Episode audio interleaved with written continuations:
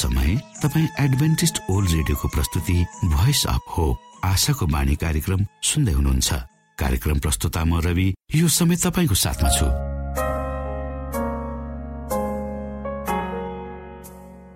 मानव जातिमा देखाइएको परमेश्वरको प्रेम र अनुग्रह तपाईँसँग बाँड्ने उद्देश्यले तपाईँकै आफ्नै प्रिय कार्यक्रम आशाको बाणीमा यहाँलाई हामी न्यानो स्वागत गर्दछौँ। आशाको बाणीको आजको प्रस्तुतिबाट पनि तपाईँले परमेश्वरसँग नजिक रहेको अनुभूति गर्नुहुनेछ भनेर हामी आशा राख्दछौ। आउनु श्रोता यो मधुर भजनसँगै हामी हाम्रो मुख्य कार्यक्रमतर्फ लागौं।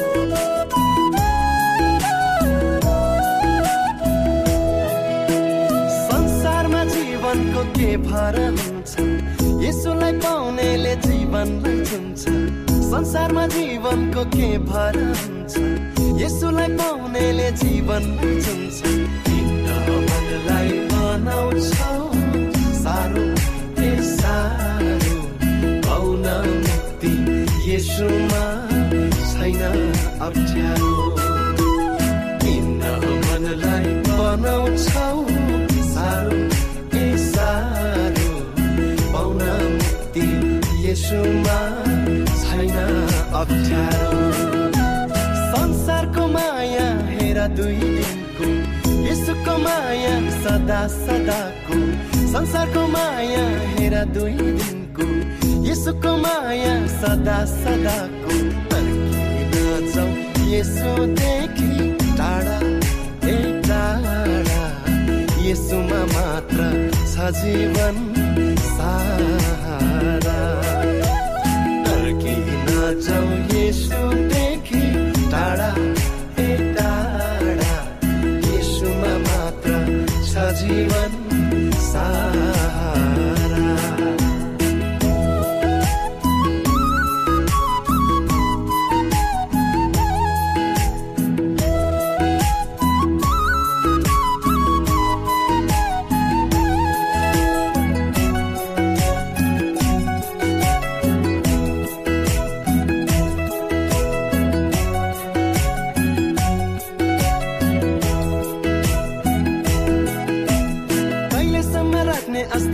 प्रतिभामा बनाए तिमीलाई उनले आफ्नै आकृतिमा कहिलेसम्म राख्ने आस्था गुङ्गो प्रतिभामा बनाए तिमीलाई उनले आफ्नै आकृतिमा छन् पापी मरे कलबरी क्रुसमा ए क्रुसमा खोजी कहाँ हिँड्छु जीवन छ येसुमा छँदा तिमी पापी मरे कलबरी क्रुसमा क्रुसमा खोजीका हिँड्छौ जीवन छ येसुमा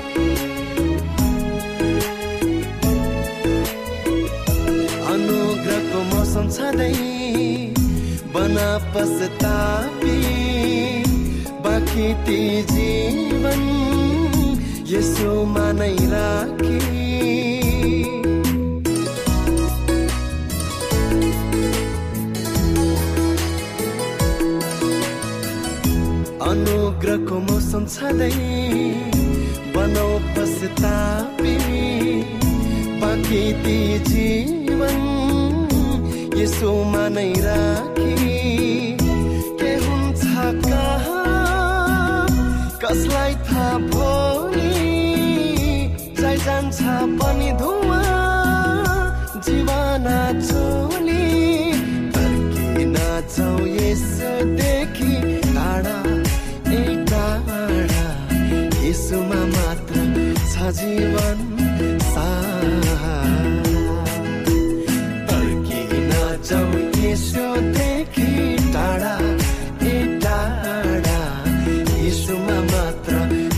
समय तपाईँ एडभेन्टिस्ट ओल्ड रेडियोको प्रस्तुति भोइस अफ होप आशाको बाणी कार्यक्रम सुन्दै हुनुहुन्छ। तपाईँ आशाको बाणी कार्यक्रम सुन्दै हुनुहुन्छ। हामी आशा गर्दछौ कि तपाईँले हाम्रा कार्यक्रमहरू सुनेर आनन्द लिनुभएको छ। यदि तपाईँ हाम्रो तर्फबाट सानो उपहार प्राप्त गर्न चाहनुहुन्छ भने कृपया गरेर हामीलाई Bible at the rate AWR dot ओआरजीमा लेखी पठाउन सक्नुहुनेछ। अथवा हाम्रो वाट्सएप नम्बर प्लस एक दुई दुई चार दुई दुई दुई जिरो सात सात सातमा फोन गरेर सम्पर्क गर्न सक्नुहुनेछ। श्रोता मित्र यो समय हामी पास्टर उमेश पोखरेलबाट आजको बाइबल सन्देश सुन्नेछौ। श्रोत साथी न्यानो अभिवादन। म तपाईँको आफ्नै आफन्त। आजको शीर्षक छ साम्राज्यहरूको टकराव। आजको प्रस्तुतिलाई पस गर्नुभन्दा पहिले आउनुहोस् म परमेश्वरमा अगुवाईको लागि बिन्ती राख्नेछु। जीवी जिउँदो महान दयालु परमेश्वर प्रभु हामी धन्यवादी छौँ। यो जीवन जीवनमा दिनुभएको प्रशस्त यो रेडियो कार्यक्रमलाई म तपाईँको हातमा राख्छु। यसलाई तपाईँको राज्य र महिमाको प्रचार खातिर तपाईँले प्रयोग गर्नुहोस्। ताकि धेरै मानिसहरू जो अन्धकारमा हुनुहुन्छ उहाँहरूले तपाईँको ज्योतिलाई देख्न सकुन् तपाईँको राज्यमा प्रवेश गर्न सबै बिन्ती प्रभु यीशुको नाम आजको शीर्षक छ साम्राज्यहरूको टकराव। दानियल दुईको चालिसले भन्छ चौथो राज्य फलाम जस्तो बलियो हुनेछ। इतिहासको लेखक एवार्ड गिब्बन जो इसाई पनि थिएनन् उनी बाइबलमा पनि विश्वास गर्दैनथे। आफ्नो पुस्तक decline and fall of the Roman इम्पायरमा लेख्दछन् सुन चाँदी पित्तलको चित्रणले राष्ट्र राजाहरू जनाएका थिए र अन्तमा आएर फलामे राज्य रोमले ती सबैलाई तोडेर पराजित गर्यो। यो भनेको जस्तै भएको थियो। रोम साम्राज्यले संसारलाई ईसा पूर्व एक सय अडसठीदेखि सन् चार सय छयत्तर सम्म राज्य गरेको थियो। रोम राज्यको शासनकालमा यसु क्रिस्ट मानव बालक भएर जन्मनु भएको थियो। निरङ्कुश रोमी साम्राज्यबाट युसुफ र मरियम भागेर इजिप्ट अर्थात् मिश्र देशमा गएका थिए। पछि रोमको बडा हाकिमले यसुलाई न्याय आसनमा ल्याए र उहाँलाई रोमी सैनिकहरूबाट क्रुसमा टाँगिदिए। पाँच सय वर्षमा रोमको साम्राज्य कसैले जित्न नसक्ने शक्तिशाली भएर बसेको थियो। उनको झण्डा बिलायतका टापुदेखि पर्सियन गल्फसम्म फैलिएको थियो। नर्थ सी वा उत्तरी समुद्रदेखि सहारा मरुभूमिसम्म अटलान्टिक समुद्रदेखि युफ्रेटिस र अगाडिसम्म। रोमको साम्राज्य विश्व ठुला साम्राज्यहरूमा एक भएको थियो। बाइबलले के भविष्यवाणी गरेको थियो त? दानियल दुईको एक चालिस हामी हेर्न सक्छौँ। हजुरले यसका खुट्टा र औलाहरू केही माटोले केही फलामले बनेको देख्नु भए चाहिँ यो विभाजित राज्य हुनेछ तैपनि यसमा केही मात्रामा फलामको बल हुनेछ जसरी हजुरले फलाम माटोसित मिसिएको देख्नुभयो। बाइबलले रोमी साम्राज्यपछि पाँचौं विश्व साम्राज्यको उदय हुन्छ भनेको छै यसले विभाजित साम्राज्य हुनेछ भनेर भविष्यवाणी गरेको छ। अब रोम पछि कुनै पनि शक्ति हुँदैन जुन सारा संसार एक साम्राज्य हुनेछ। पैताला फलाम र माटोले मिसिएको भनेको अर्थ रोमी साम्राज्य टुक्रा टुक्रा हुनेछ। ठ्याक्कै त्यही भयो। सारा युरोप भविष्यवाणीले भनेकै अनुसार टुक्रा टुक्रा भयो। जङ्गली तथा निरङ्कुश जातिहरूले चौथो शताब्दीमा पश्चिमी युरोपमा हमला गरेका थिए। जङ्गली जातिको जथाभावी हमलाले रोमी साम्राज्य बाइबलले भने जस्तै टुक्रा टुक्रा भयो। आउनुहोस् हामी दानियल दुईको त्रिचालिस हेर्दैछौँ र हजुरले फलाम र माटोमा मिसिएको देख्नु भए चाहिँ मानिसहरू पनि मिश्रित जाति हुनेछन् र एकतामा रहने छैनन् जसरी फलाम माटोसित मिल्न सक्दैन युरोपको इतिहासभरि हामी यो पाउँछौ कि विभिन्न राजाहरूले वैवाहिक सम्बन्ध राखेर टुक्रिएको युरोपलाई एकीकृत पार्ने कोसिस गरिएको थियो। त्यसको मुख्य उदाहरण फ्रान्सका शासक नेपोलियनलाई लिन सकिन्छ। उनले आफ्नै श्रीमती योसेफाइनसँग सम्बन्ध विच्छेद गरेर अस्ट्रियाको लुइजालाई विवाह गरे। फ्रान्स र अस्ट्रिया मिलेर सारा युरोपलाई एकीकृत पार्न नेपोलियन बोनापार्टको उद्देश्य थियो। भविष्यवाणी अनुसार त्यो पूर्ण रूपमा असफल भयो। बाइबलले भन्दछ हजुरले फलाम माटोमा मिसिएको देख्नु भए चाहिँ मानिसहरू पनि मिश्रित जाति हुनेछन् र एकतामा रहने छैनन् जसरी फलाम माटोसित मिल्न सक्दैन। अन्तर्देशीय विवाह बाहेक राजनीतिक नेताहरूले युरोपलाई अर्कै उपायबाट एकीकृत पार्न खोजेका थिए। सैनिक आक्रमण र द्वन्द्वहरू भित्राएर तिनीहरूले युरोपलाई एक बनाउने लक्ष्यमा पुग्न तिनीहरूले प्रयास गरेका थिए। सम्राट चार्ल्स पाँचौंले युरोपलाई एकीकृत पार्न खोजेका थिए तर त्यो पनि असफल भयो। नेपोलियनले सबै युरोपलाई एकीकृत पार्न खोजेका थिए त्यसमा पनि उनी असफल भए। फ्रान्सको शासक नेपोलियनले आफ्नो डायरीमा यस्तो महत्वकांक्षी योजना कोरेका थिए। सारा युरोप एक हुनेछ सारा युरोपको सिक्का एउटै हुनेछ सारा युरोपले एउटै भाषा बोल्नेछ सारा युरोपभरि एउटै सरकार हुनेछ। तर जब बिलायतको वाटर लोमा नेपोलियनको हार भयो तब जुन अठार सय पन्ध्रमा उनले यो भने सर्वशक्तिमान परमेश्वर मैले सम्हाल्न नसक्ने गरी भारी हुनुहुन्छ। सयौं वर्ष अघि पौराणिक कालमा लेखिएको भविष्यवाणीको प्रतिध्वनि आज पनि हामीहरूको हृदयमा गुन्जिरहेको छ। बाइबलले जे भन्छ ठिक वा सही भन्छ। इतिहास कालभरि युरोपलाई एकीकृत पार्ने सबै प्रयासको मामिलामा पौराणिक बाइबलको भविष्यवाणीहरूका यी केही शब्दहरूले यसरी व्यक्त गर्दछन्। तिनीहरू एक आपसमा टाँसिँदैनन्। हो भविष्यवाणी सत्य हो भनेर प्रमाणित भएको छ। युरो विभाजित भयो शताब्दीदेखि यो विभाजित भइरहेको छ। पाँचौं चार्ल्स सार्ला मामेल हिटलर स्टालिन र हुनेवाला विश्व नेताहरूले युरोप र विश्वलाई एकीकृत पार्न खोजे तर तिनीहरू सबै असफल भए। दानियल दुईमा उल्लेख गरिएको पौराणिक भविष्यवाणी अनुसार रोमी साम्राज्यमा टुक्रिएको युरोप कहिले पनि एक हुन सक्दैन। बाइबलले प्रकाशको पुस्तक मार्फत अन्तिम प्रयास स्वरूप धार्मिक र राजनैतिक एकताबाट युरोपलाई एकत्रित पार्न खोजिनेछ भनेर भविष्यवाणी गरेको छ। र प्रकाश सत्रको बाह्रदेखि चौधमा हामीले हेर्यौँ भने प्रकाश सत्र भन्ने पुस्तक छ बाइबलको। तिमीले देखेका ती दसवटा सिंह चाहिँ दस राजाहरू हुन् जसले अहिलेसम्म राजकीय शक्ति पाएका छैनन्। तर तिनीहरूले त्यस पशुसँग एक घण्टा वा छोटो समयको निम्ति राजाकै अधिकार पाउनेछन्। यस भविष्यवाणीको अर्थ यो हो यसु क्रिसको दोस्रो आगमन पहिले युरोपका राष्ट्रहरू र बाँकी संसार धार्मिक राजनैतिक संगठनमा बाँधिनेछ। यो अस्थायी गठबन्धनलाई प्रकाशको पुस्तकले कसरी बयान गर्दछ हेर्नुहोस्। तिनीहरू एकै मनका छन् र तिनीहरूले आफ्नो शक्ति र अधिकार त्यस पशुलाई सुम्पनेछन् यो भविष्यवाणी अनुसार एक घण्टा वा छोटो समयको निम्ति युरोपका राष्ट्रहरू एक हुनेछन्। कि आज प्रत्यक्ष रूपमा यो एक युरोप हुने अभियान चलेको छ त? युरोपको साझा बजारको झण्डामा प्रतीकको रूपमा यो लेखिएको छ। धेरै आवाजहरू र एक मानिसहरू। सारा संसारभरि एकै सिक्का ल्याउने प्रयास स्वरूप युरो डलर निकालिएको छ। मानिसहरूलाई राजनीतिक रूपमा पशुको शक्तिको निम्ति एकै बनाएर राजनैतिक र धार्मिक रूपमा एउटै महान प्रणाली मुनि ल्याइनेछ संसारमा हुने युद्ध द्वन्द झगडाको साथै अनिकाल र आर्थिक असफलताले गर्दा हाम्रो संसार तहस नस भयो भने के गर्ने? त्यसको समाधान मिठो तरिकाले यसरी प्रस्तुत गरिएको छ। एक विश्व एकताको सूत्रमा बाँधिएको समाज हामी सबै एक हुनेछौ बाइबलले भन्दछ तिनीहरू सबै एक मनका भएका छन् तिनीहरूले पशुलाई अधिकार र शक्ति दिनेछन्। यिनीहरूले नै थुमासँग युद्ध गर्नेछन् र थुमाले तिनीहरूलाई जित्नेछन्। यो संसारको राज्य प्रति हामीहरूको चासो किन छैन? किनभने यसुले हामीलाई स्वरको राज्यको बाचा गर्नुभएको छ। प्रकाश सत्र अध्यायको भविष्यवाणीले भन्दछ। उहाँ नै प्रभुहरूका प्रभु हुनुहुन्छ राजाहरूका राजा र जो उहाँसँग हुनुहुन्छ तिनीहरूलाई विश्वासिलो र चुनिएका भनेर कहलाइएको छ। दानियल दुई अध्याय घरको नक्सा जस्तै भविष्यवाणी पूरा भएको इतिहासले बताएको छ र बताइ नै रहनेछ। राजनैतिक रूपमा जुन गठबन्धन हुन गइरहेको छ त्यो कुनै आकल झुकलले भएको होइन। अहिले संसारमा के भइरहेको छ सो घटनाक्रमले यो बताइरहेको छ कि राजाहरूका राजा येसु क्रिस्ट छिट्याउँदै हुनुहुन्छ। फलाम र माटोको पैतालामा उभिएको यस संसारको एकमात्र आशा यसुको दोस्रो आगमन हो। दानियलको भविष्यवाणीमा चित्रण गरिएको मूर्तिले र प्रकाशको पुस्तकको भविष्यवाणीले हामीलाई नयाँ युगतिर लम्काउँछ।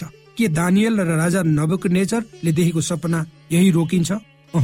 दानियल दुईको चौतिसले भन्छ हजुरले हेरिरहनु हुँदा चट्टानबाट एउटा ढुङ्गा काट्यो तर मानिसहरूको हातद्वारा होइन त्यसले यस शालिका फलाम र माटोले बनेको खुट्टालाई हान्यो र ती चकनाचुर पारिदियो। दानियल दुईको चौवालिसले भन्दछ यी राजाहरूको समयमा स्वर्गका परमेश्वरले एउटा राज्य खडा गर्नुहुनेछ जुन चाहिँ कहिले नष्ट हुने छैन। कुन चाहिँ चट्टानले त्यस मूर्तिलाई चकनाचुर गरियो त?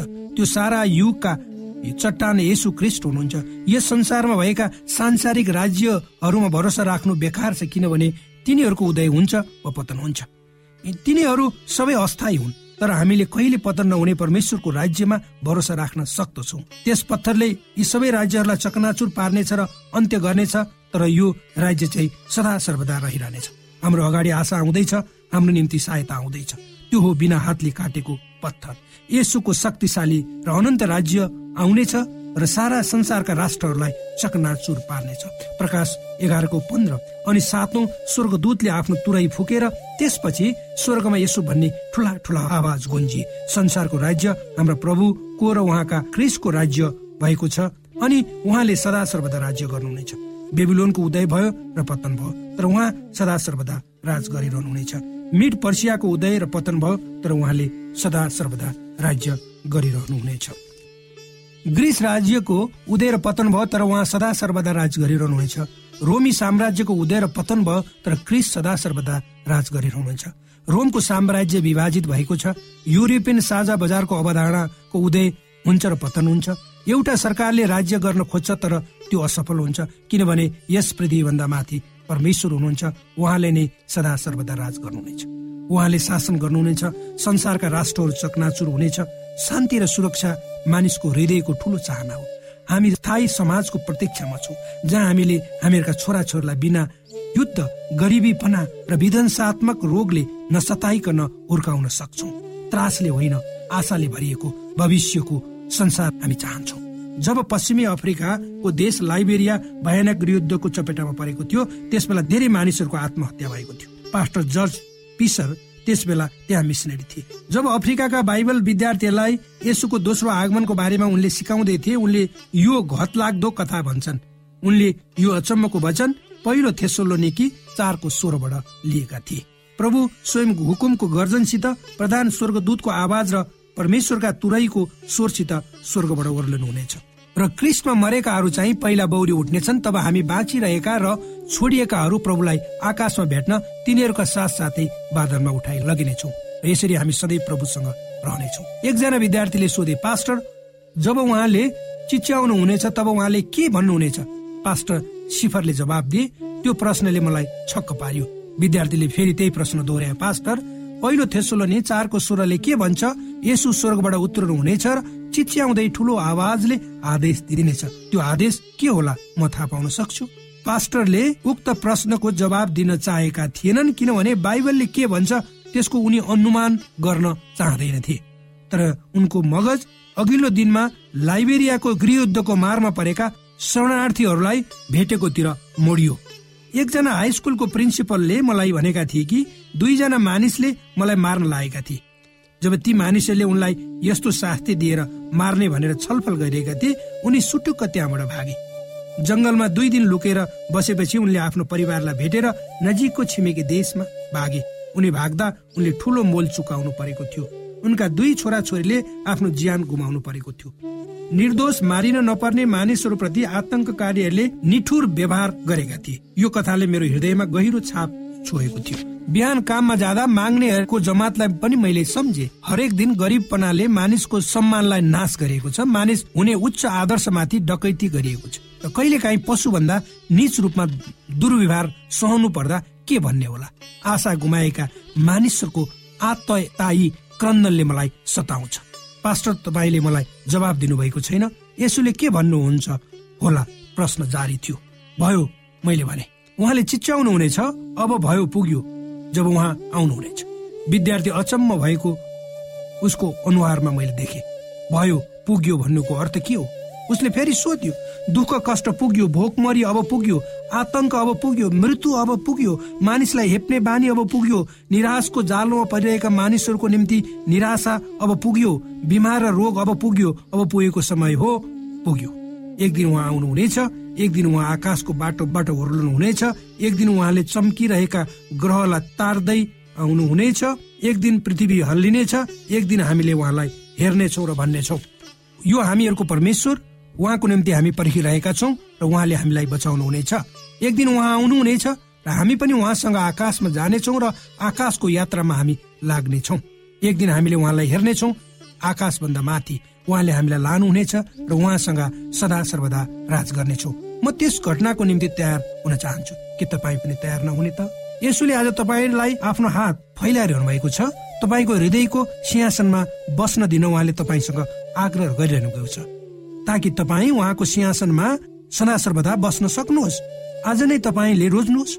तपाईँले गम्भीर रूपमा आफ्नो जीवन अर्पण गर्न यसो र उहाँको राज्यको बारेमा पत्ता लगाउनुहोस्। जब हामी प्रार्थना गर्छौँ अहिले नै तपाईँले त्यो निर्णय गर्न तपाईँलाई आमन्त्रण गरिएको छ भनेर सोच्नुहोस्।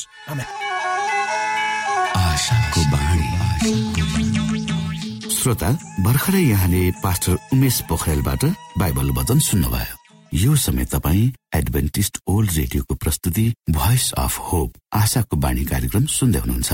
कार्यक्रम सुनेर बस्नुहुने सबै श्रोतालाई हामी हाम्रो कार्यक्रममा स्वागत गर्न चाहन्छौ। श्रोता मित्र यदि तपाईँ जीवनदेखि हरेस खानु भएको छ तपाईँका जीवनमा धेरै अनुत्तरित प्रश्नहरू छन् भने आउनुहोस् हामी तपाईँलाई परमेश्वरको ज्योतिमा डोहोर्याउन चाहन्छौ। र तपाईँ आफ्नो जीवनका चिन्ता फिक्रीबाट निश्चिन्त हुनुहोस् र बाँच्नुको आनन्द परमेश्वरको सामिप्यमा कति मिठो हुन्छ त्यो चाख्नुहोस् भनी हामी चाहन्छौँ। श्रोता यदि तपाईँ आशाको बाणी कार्यक्रमलाई अनलाइन सुन्न चाहनुहुन्छ वा डाउनलोड गर्न चाहनुहुन्छ भने W W W dot AWR dot ओआरजीमा जानुहोस्। त्यहाँ तपाईँले प्रत्येक दिनको कार्यक्रम सुन्न र डाउनलोड गर्न सक्नुहुनेछ। हाम्रो वेब पेज यस प्रकार छ W W W dot AWR dot ORG श्रोता यदि तपाईँ हामीसित सिधै फोनमा सम्पर्क गर्न चाहनुहुन्छ भने हाम्रा नम्बरहरू यस प्रकार छन्। अन्ठानब्बे एकसाठी पचपन्न शून्य एक सय बिस। अन्ठानब्बे एकसाठी पचपन्न शून्य एक सय बिस। र अर्को अन्ठानब्बे अठार त्रिपन्न पन्चानब्बे पचपन्न। अन्ठानब्बे अठार त्रिपन्न पन्चानब्बे पचपन्न। यो एडभेन्टिस ओल्ड रेडियो हो। तपाईँ आशाको बाणी कार्यक्रम सुन्दै हुनुहुन्छ। यस सम्बन्धी थप जानकारीको लागि कृपया गरेर हामीलाई सम्पर्क राख्न सक्नु हुनेछ हाम्रो इमेलको ठेगाना Bible at the rate AWR dot ORG अर्थात् B I B L E at AWR dot ORG हो। तपाईँ हामीलाई हाम्रो वाट्सएप नम्बर प्लस एक दुई दुई चार दुई दुई दुई जिरो सात सात सातमा पनि कल गरेर सम्पर्क राख्न सक्नुहुनेछ। अर्थात् प्लस एक दुई दुई चार दुई दुई दुई जिरो सात सात सात। प्रभुजी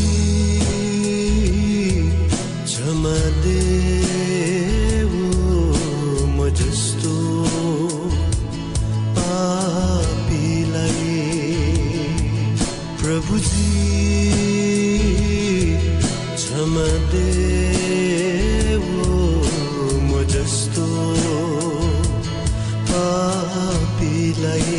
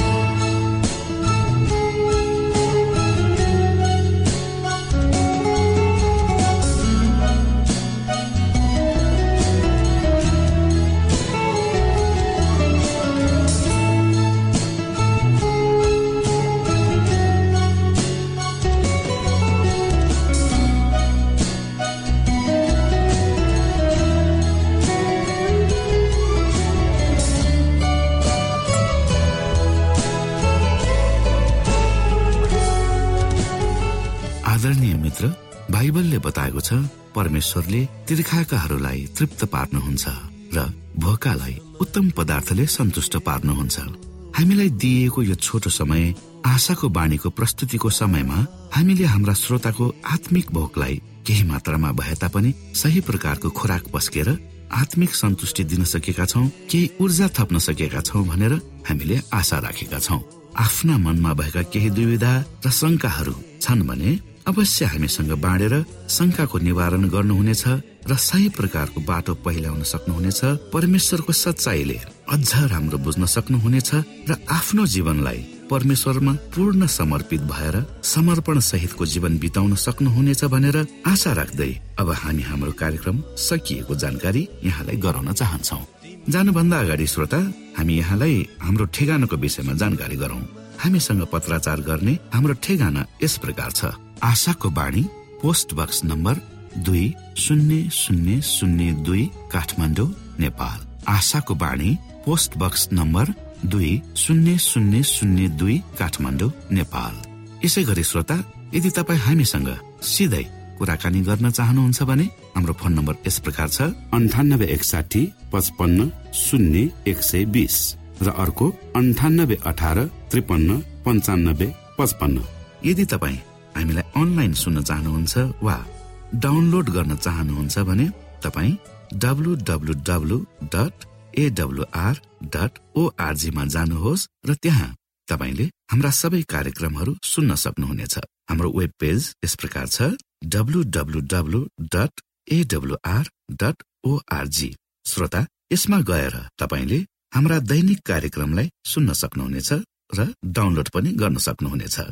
हवस् श्रोता हाम्रो कार्यक्रम सुनिदिनु भएकोमा एकचोटि फेरि यहाँलाई धन्यवाद दिँदै भोलि फेरि यही स्टेशन यही समयमा यहाँसँग भेट्ने आशा राख्दै प्राविधिक साथी राजेश र पास्टर उमेश पोखरेल र कार्यक्रम प्रस्तुता म रवि यहाँसँग विदा माग्दछौ।